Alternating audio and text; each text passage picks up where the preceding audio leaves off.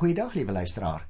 Ons het verlede keer begin met die boek Joshua en daarom gaan ek dadelik vandag uh, daarmee voort. Ek is by die boek Joshua, die eerste hoofstuk, vers 10. En hier kry ons nou die eerste opdrag wat Joshua aan die leiers gee. Luister na vers 10 en 11. Joshua, die beamptes van die volk beveel: "Gaan die kamp deur en sê vir die mense: Maak vir julle padkos gereed, want oor 3 dae trek julle deur Jordaan en gaan julle die land in besit neem wat die Here julle God aan julle as besitting gee." Het jy opgemerk? Joshua antwoord op die Here se opdrag wat ons verlede keer behandel het, deur dadelik tot die daad oor te gaan. Hy laat die volk oproep om gereed te maak om die Jordaanrivier oor te steek sodat hulle kan gaan veg. God het natuurlik aan hulle die versekering gegee dat hy die land aan hulle gaan behoort want hulle gaan dit verower. Dit het egter nie die menslike verantwoordelikheid om dit in besit te gaan neem opgehef nie.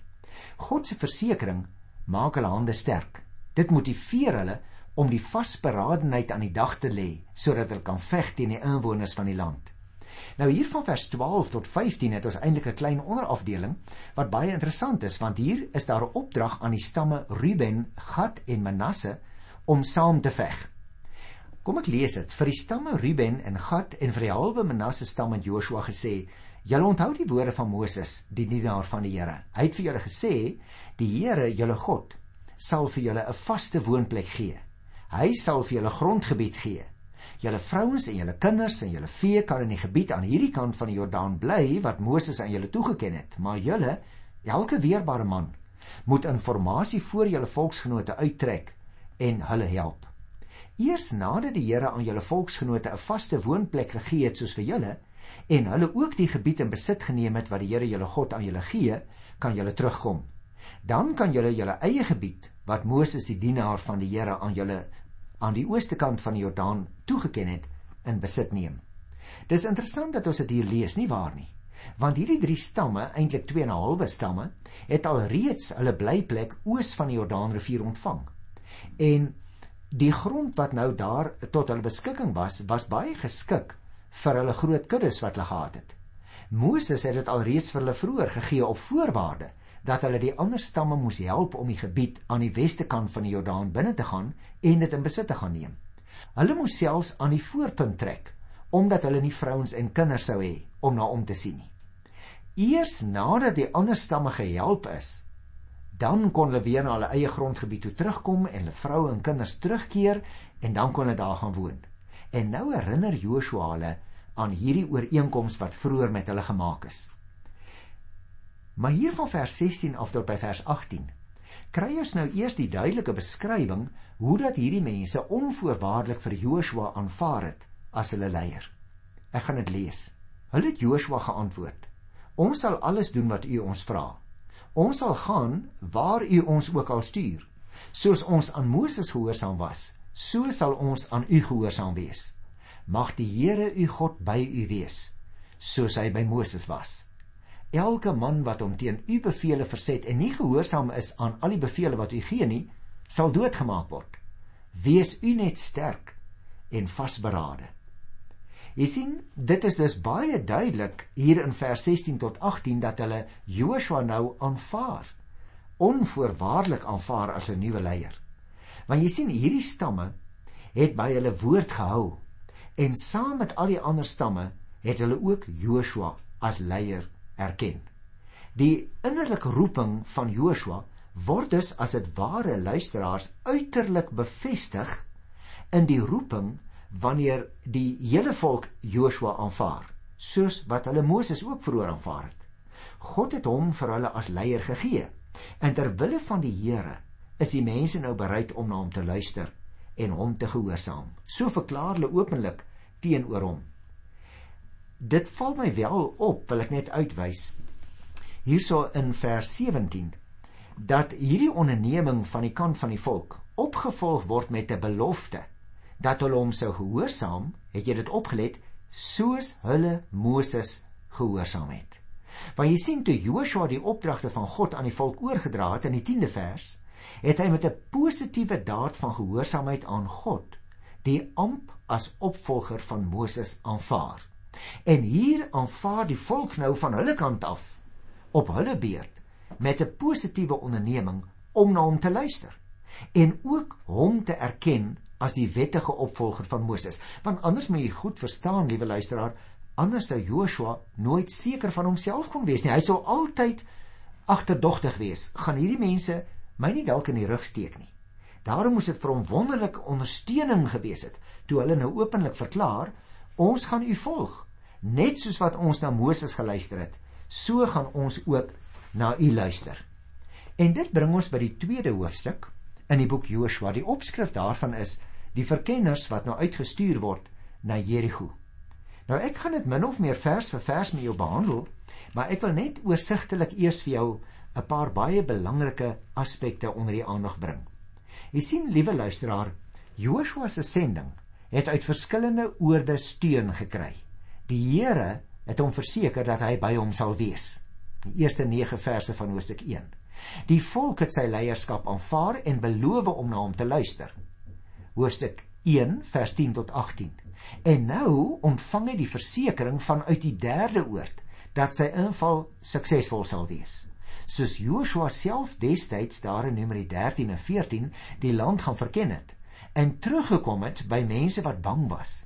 So hoor hy nou die mense wat hy as verkenners na Jerigo stuur om die omliggende gebied te gaan verken. Mense wat bang is. En hierdie keer is dit die inwoners van die land wat hy wil binneval wat bang is. Nie die Israeliete nie. Vir 'n derde keer word Joshua dus nou verseker dat hy nie moet huiwer nie, maar die land in besit sal kan neem. En dit is natuurlik 'n wesenlike betekenis van hierdie hele Rahab episode waarby ons ook nou nog gaan kom. Die in die versekering moet jy ook oplet. As ons nou die hoofstuk behandel, moet jy oplet, liewe luisteraar in hierdie versekering waarvan ek nou net gepraat het wat Joshua ontvang het dat alles in sy guns is om aan te val, speel Rahab 'n baie sentrale rol. Sy verwoord vir die verkenners die vrees vir die Israeliete en die God van Israel vir wie hierdie mense baie bang is. En dit is in die harte van die inwoners van Jerigo en natuurlik ook in die res van die land. Jy sien, berigte oor wat daar gebeur het by die Rietsee toe die Here Israel uit Farao se land gered het en die neerlaag van die Amoritiese konings Sion en Og. Jy onthou daardie verhaal in Numeri 21, né? Het die Israeliete vooruitgeloop, die berigte het lankal hier aangekom. En dit het natuurlik die volkere almal skrikbevange gemaak en hulle vir Israel en hulle God laat vrees. Want het hulle vir hulle self gesê: Hier is 'n God wat regeer in die hemel en op die aarde en teen wie niemand sal kan standhou nie want hulle God is almagtig.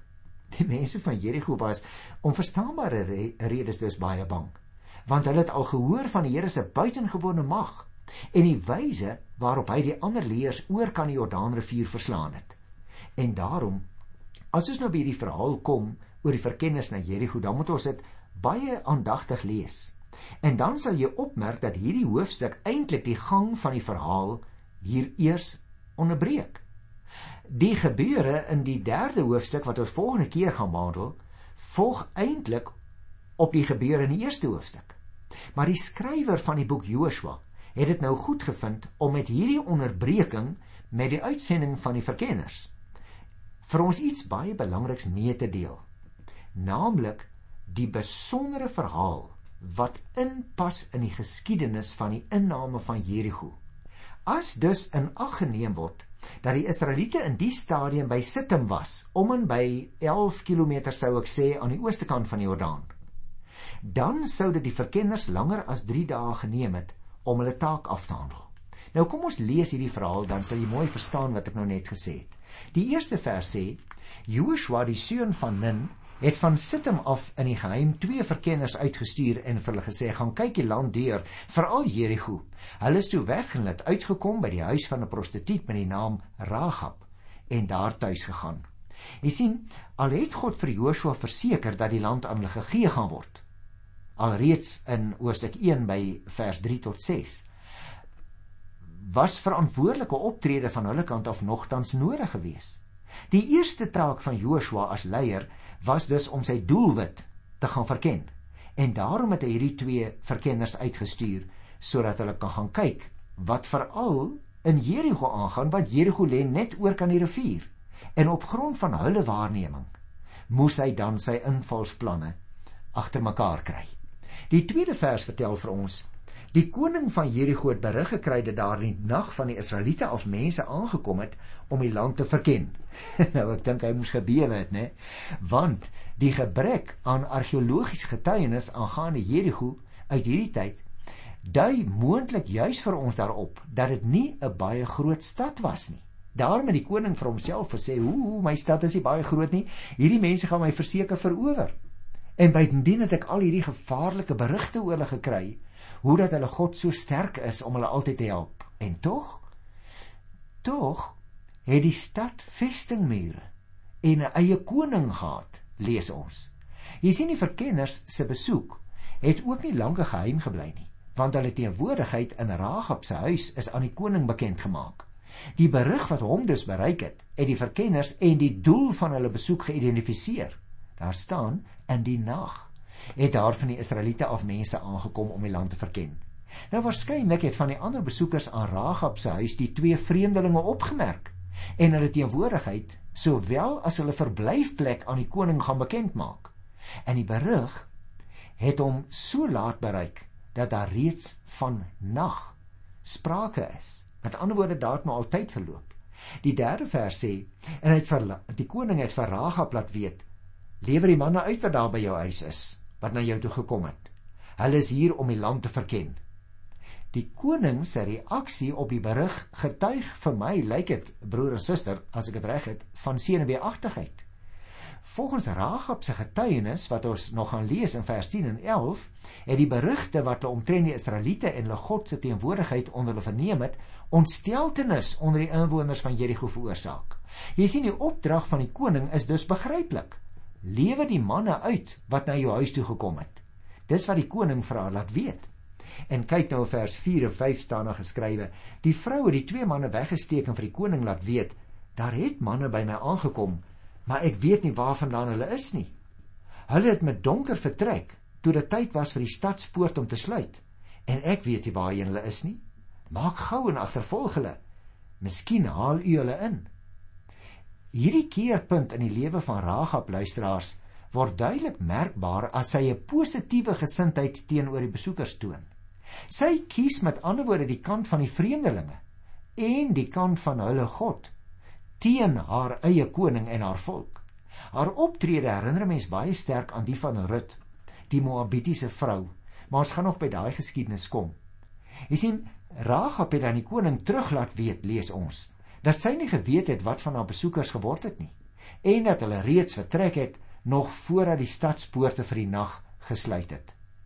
Tussen hakies, Rahab is hier aan 'n baie besondere toets onderwerp. Sy moes 'n bepaalde keuse maak en daarom vertel sy nie die waarheid aan die koning nie. Jy sien haar lojaliteit teenoor Israel en hulle God wat nou ook haar God is was belangriker as haar verbondenheid aan Jerigo en sy inwoners. Sy moedig selfs die koning aan om 'n heksejag op tou te sit. "Miskien haal u hulle in," sê sy. Jy sien, sy wou so tyd koop om die verkenners na veiligheid te kan laat ontsnap. Tweedens wil ek net die opmerking maak. Sy beskik oor 'n bepaalde kennis waarvoor hier 'n verklaring gebied word. Waarskynlik wou die oorspronklike verteller hier bewuslik iets oordra, naamlik dat die Here hier aan die werk is. En die skrywer laat Rahab dit sê. Daarvolgens sou Rahab nie op gerugte gereageer het nie, maar 'n klaar blyklike geheime openbaring ontvang het. Het die Here dit na hart gelê dat sy hierdie mense moes wegsteek? Hoe sou ons dit ooit weet? Maar luister na vers 6 en 7. Sy het die twee manne intussen op die dak laat klim en hulle weggesteek onder die vlasstoppels wat sy daar oop gesprei het. Die koning se manne het na die twee verkenners gaan soek op pad na die Jordaan toe in die druwe se rigting. Nadat die agtervolgers weg is en agter die verkenners aan is, is die stadspoort gesluit. Met ander woorde, die boodskappers van die koning het haar wenk gevolg en hulle het die twee verkenners gaan soek op die pad in die rigting van die Jordaan. Maar Rahab, sy het betyds die twee verkenners op die dak van haar huis onder die vlasstoppels toegemaak. Vlas is natuurlik een van die oudste plante wat deur die mens verbou is. Ek wonder of jy dit geweet het, liewe luisteraar. En dit is byvoorbeeld in die antieke tyd geoes deur dit uit te trek en dan op die dak van die huis uit te sprei om in die son droog te word. En daarna eers is die vleesige dele binne en uitgekam en die vesels is gebruik vir die weef van linne. En van die vrugte van die vlasplant is lynolie gepars. Maar ek sê dit maar net so tussen hakies. Luister na vers 8 en 9. Voor die verkenners aan die slaap geraak het, is die vrou na hulle toe op die dak. En sy het vir hulle gesê: "Ek weet die Here gee vir julle die land. Ons is skrikbevange vir julle. Al die inwoners van die land bewe van vrees vir julle." Het jy nou opgemerk wat hier staan? Nadat die boodskappers vertrek het, is Ragab toe nou na die verkenners toe op die dak. En die gebeure hier is nou van baie groot betekenis, juis omdat dit 'n raamwerk voorsien vir die beoordeling van Ragab se optrede. Sy beken nou voor hulle dat sy bewus is daarvan dat die Here vir hulle die land gaan gee en dat al die inwoners van die land bewe uit vrees vir hulle. God is met ander woorde met sy volk op Mars en die inwoners van Kanaan is vreesbevange. Vers 10 en vers 11 sê: Ons het gehoor hoe die Here die water van die Rietsee voor julle laat wegtrek het met julle trek uit Egipte. En ook wat julle met die twee konings van die Amorite oor kan die Jordaan met Sion en met Og gedoen het. Hoe julle hulle voor die voet uitgeroei het. Met ander woorde luisteraar, hier het ons 'n duidelike aanduiding dat die berigte van die Israelitiese oorwinnings in die woestyn in hulle gevegte teen ander volkere alreeds by Jerigo aangekom het. Daarom is hierdie vrou heeltemal bewus daarvan en daarom sê sy: "Ons mense is verskriklik bang vir julle." Vers 12 en 13. Ek het julle goed behandel. Lê dan nou vir my eet voor die Here af dat julle my familie ook goed sal behandel. Gee my 'n betroubare aanduiding dat julle my pa, my ma, my broers en my susters en almal wat aan my behoort sal lewens sal spaar en ons so van die dood sal red. Met ander woorde, sy het aan hulle guns bewys en nou vra sy dat haar mense ook gespaar sal word. En dan lees ons in die 14de vers, toe sê die manne vir haar: "Ons staan met ons eie lewe in vir julle sinne. As julle nie oor ons praat nie en die Here gee ons die land, sal ons jou goed behandel en ons woord hou." Die verkenners het haar plegtig verseker: "Ons staan met ons eie lewe vir julle sin in." Dis wat hulle sê, né? Op voorwaarde, en dit is hulle voorwaarde, dat Rahab en haar huishouding oor hulle sou stil bly en die Here die land aan hulle gee. Jy sien die luisteraar, die verkenners se bedoeling is dus nie dat hulle enige twyfel het oor hulle uiteindelike besitname van die land nie. Nee, nee, dit gaan hier om 'n saak wat in die stadium nog nie werklikheid geword het nie. Want jy sien, dis eers wanneer die land daadwerklik aan hulle behoort, eers dan sal hulle haar kan goed behandel en eers dan sal hulle kan woord hou. Daarom verstaan 'n mens dat hulle dit presies so formuleer. Hulle stel dit as 'n voorwaarde as die Here die land aan ons gee. En dit bring my dan by die 15de vers. Sy het hulle met 'n tou deur die venster laat afsak. Haar huis was in die stadsmuur ingebou sodat dit sodat sy in die muur gewoon het. Rahab se huis was in die stadsmuur ingebou. Ek wil daaroor 'n opmerking maak, liewe luisteraar, want jy sien 'n mens noem dit 'n kassematmuur wanneer daar twee mure parallel langs mekaar gebou word. Dan het die mense in die ou tyd tussenin dit opgevul met klei en met klippe en so aan. Maar dan het hulle soms tussen die twee mure 'n opening gelaat waarin 'n huis of 'n stoorplek gebou is. Met ander woorde, as iemand in so 'n huis tussen die twee parallelle mure langs mekaar gewoon het en daardie persoon sou 'n verraaier wees, dan kan die verraaier vir die invallers sê: "Julle moet soveel meter van die hoek af met julle stormramme stamp. Dan moet julle weet julle is in 'n stoorplek. Dit sal 'n maklike plek wees om deur te kom." Met ander woorde, in daardie tyd was mense baie bang vir verraaiers, veral as hulle in 'n muur gewoon het wat ek dan nou net genoem het 'n kassematmuur. Nou sê dit in so muur gewoon. Dit kan ons aflei uit die teks. Vers 16 sê: Haar woorde aan hulle was: Gaan die berge in sodat die mense wat julle soek julle nie raakloop nie. Kruip 3 dae daar weg totdat hulle soektog gestaak word. Daarna kan julle julle koers ingaan. Sy sê dis vir hulle presies wat om te doen. En hierdie vers, hierdie 16de vers luisteraars, lei eintlik 'n nuwe gesprek in tussen Ragab en die verkenners. Klaarblyklik het dit plaasgevind voor die ontsnapping met die tou deur die venster, want dit is ons net nou al vertel. Sy het hulle aangeraai om eers na die berge toe te vlug, waar hulle dan 3 dae lank moet skuilhou. Die koning se gesante het sy na die Jordaan druwe toe gestuur, so het vers 7 vir ons gesê. En ons kan dus aanvaar dat sy die twee verkenners in 'n teenoorgestelde rigting sou stuur om hulle uit die hande van die koning te hou. Reg wes van Jerigo is daar natuurlik 'n bergspits in die Efraim vlakte. In die klowe van die berg kon die verkenners nou gaan skuilhou totdat dit veilig was om die Jordaan oor te steek en aan Joshua verslag te doen. En dan kom ons by vers 17 tot by vers 21. Die man het toe vir haar gesê: "Die eed wat jy ons laat aflê het, sal ons bind. As jy wanneer ons die stad aanval, hierdie bloedrooi tou vasbind aan die venster waardeur jy ons laat afsak, en as jou pa en ma, jou broers en jou hele familie by jou in die huis bymekaar kom. Hulle gee dus 'n plegtige onderneming, maar hulle vra 'n teken naamlik die van 'n rooi tou wat hierdie venster moet hang wanneer die stad gaan omsingel, want dan sal hulle weet daardie stukkie van die muur. Dit is die plek waar Rahab woon wat vir hulle skuilings gebied het. En die ooreenkoms word dan nou hier gesluit. Maar kom ons lees nou 'n bietjie verder hier van die 22ste vers af. Hulle het vertrek en is toe in die berge in. Daar het hulle 3 dae gebly tot die mense wat hulle gaan soek teruggekom het. Die mense het langs die hele pad gesoek en niks gekry nie. Daarna het die twee manne uit die berge teruggekom en hulle het rivier oor na Joshua, die seun van Nun toe. Hulle het hom alles vertel wat met hulle gebeur het. Dis interessant hier want ons lees hier die verkenners het Ragab se raad gevolg en hulle 3 dae lank in die berge gebly tot die mense wat hulle gaan soek het teruggekom het en dit veilig was natuurlik om na die Israeliete se laar toe terug te keer.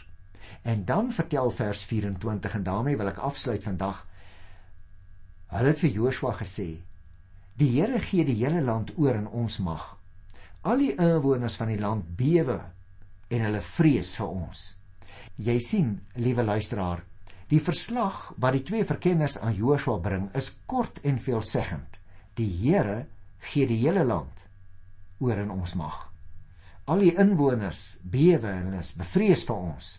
Jy sien, wat hulle van Rahab gehoor het in die 11de vers, was dus belangrike inligting en die Israeliete het 'n voorsprong op die Kanaaniete gehad omdat die Here vir Israel lei en die klomp Kanaaniete op grond van wat die Here alreeds gedoen het paniekerig laat word het. As ek dit dus moet opsom hier aan die einde van die program sou ek net dit wou sê.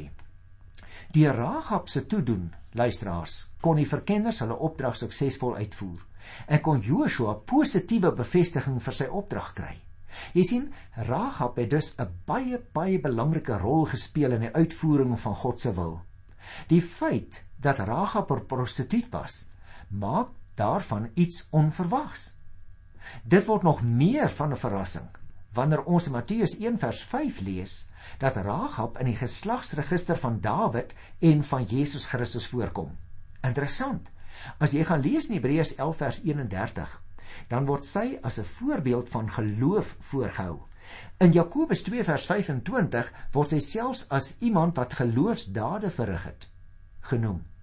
En daardeur word die verrassende gedemonstreer, naamlik dat die Here sy werk kan doen deur mense van wie ons dit nie sou verwag dat hulle vir God diensbaar kan wees nie. Hoe die Here het mos vir Joshua verseker dat hy by hom sal wees en hy het hom opgeroep om sterk te wees vir sy taak. En hier, ja, hier bevestig die Here nou sy opdrag aan Joshua deur van alle mense vir Rahab te kies om haar te gebruik. En vir jou en vir my dan? Ons moet al meer leer om gebeure en persone binne die raamwerk van God se almag en sy wil te verstaan en al minder binne die eng raamwerk van ons eie vooroordeele en beperkte visie op die loop van die wêreld. Niemand, liewe luisteraar, het jy dit opgemerk? Niemand is so klein of so gering dat God nie deur hulle vir jou en vir my 'n pad wat ons moet loop kan wys nie. Wonderlike wonderlike God, die almagtige een in wie in jy en ek uit genade mag glo. Ek groet jou in sy naam. Tot volgende keer. Totsiens.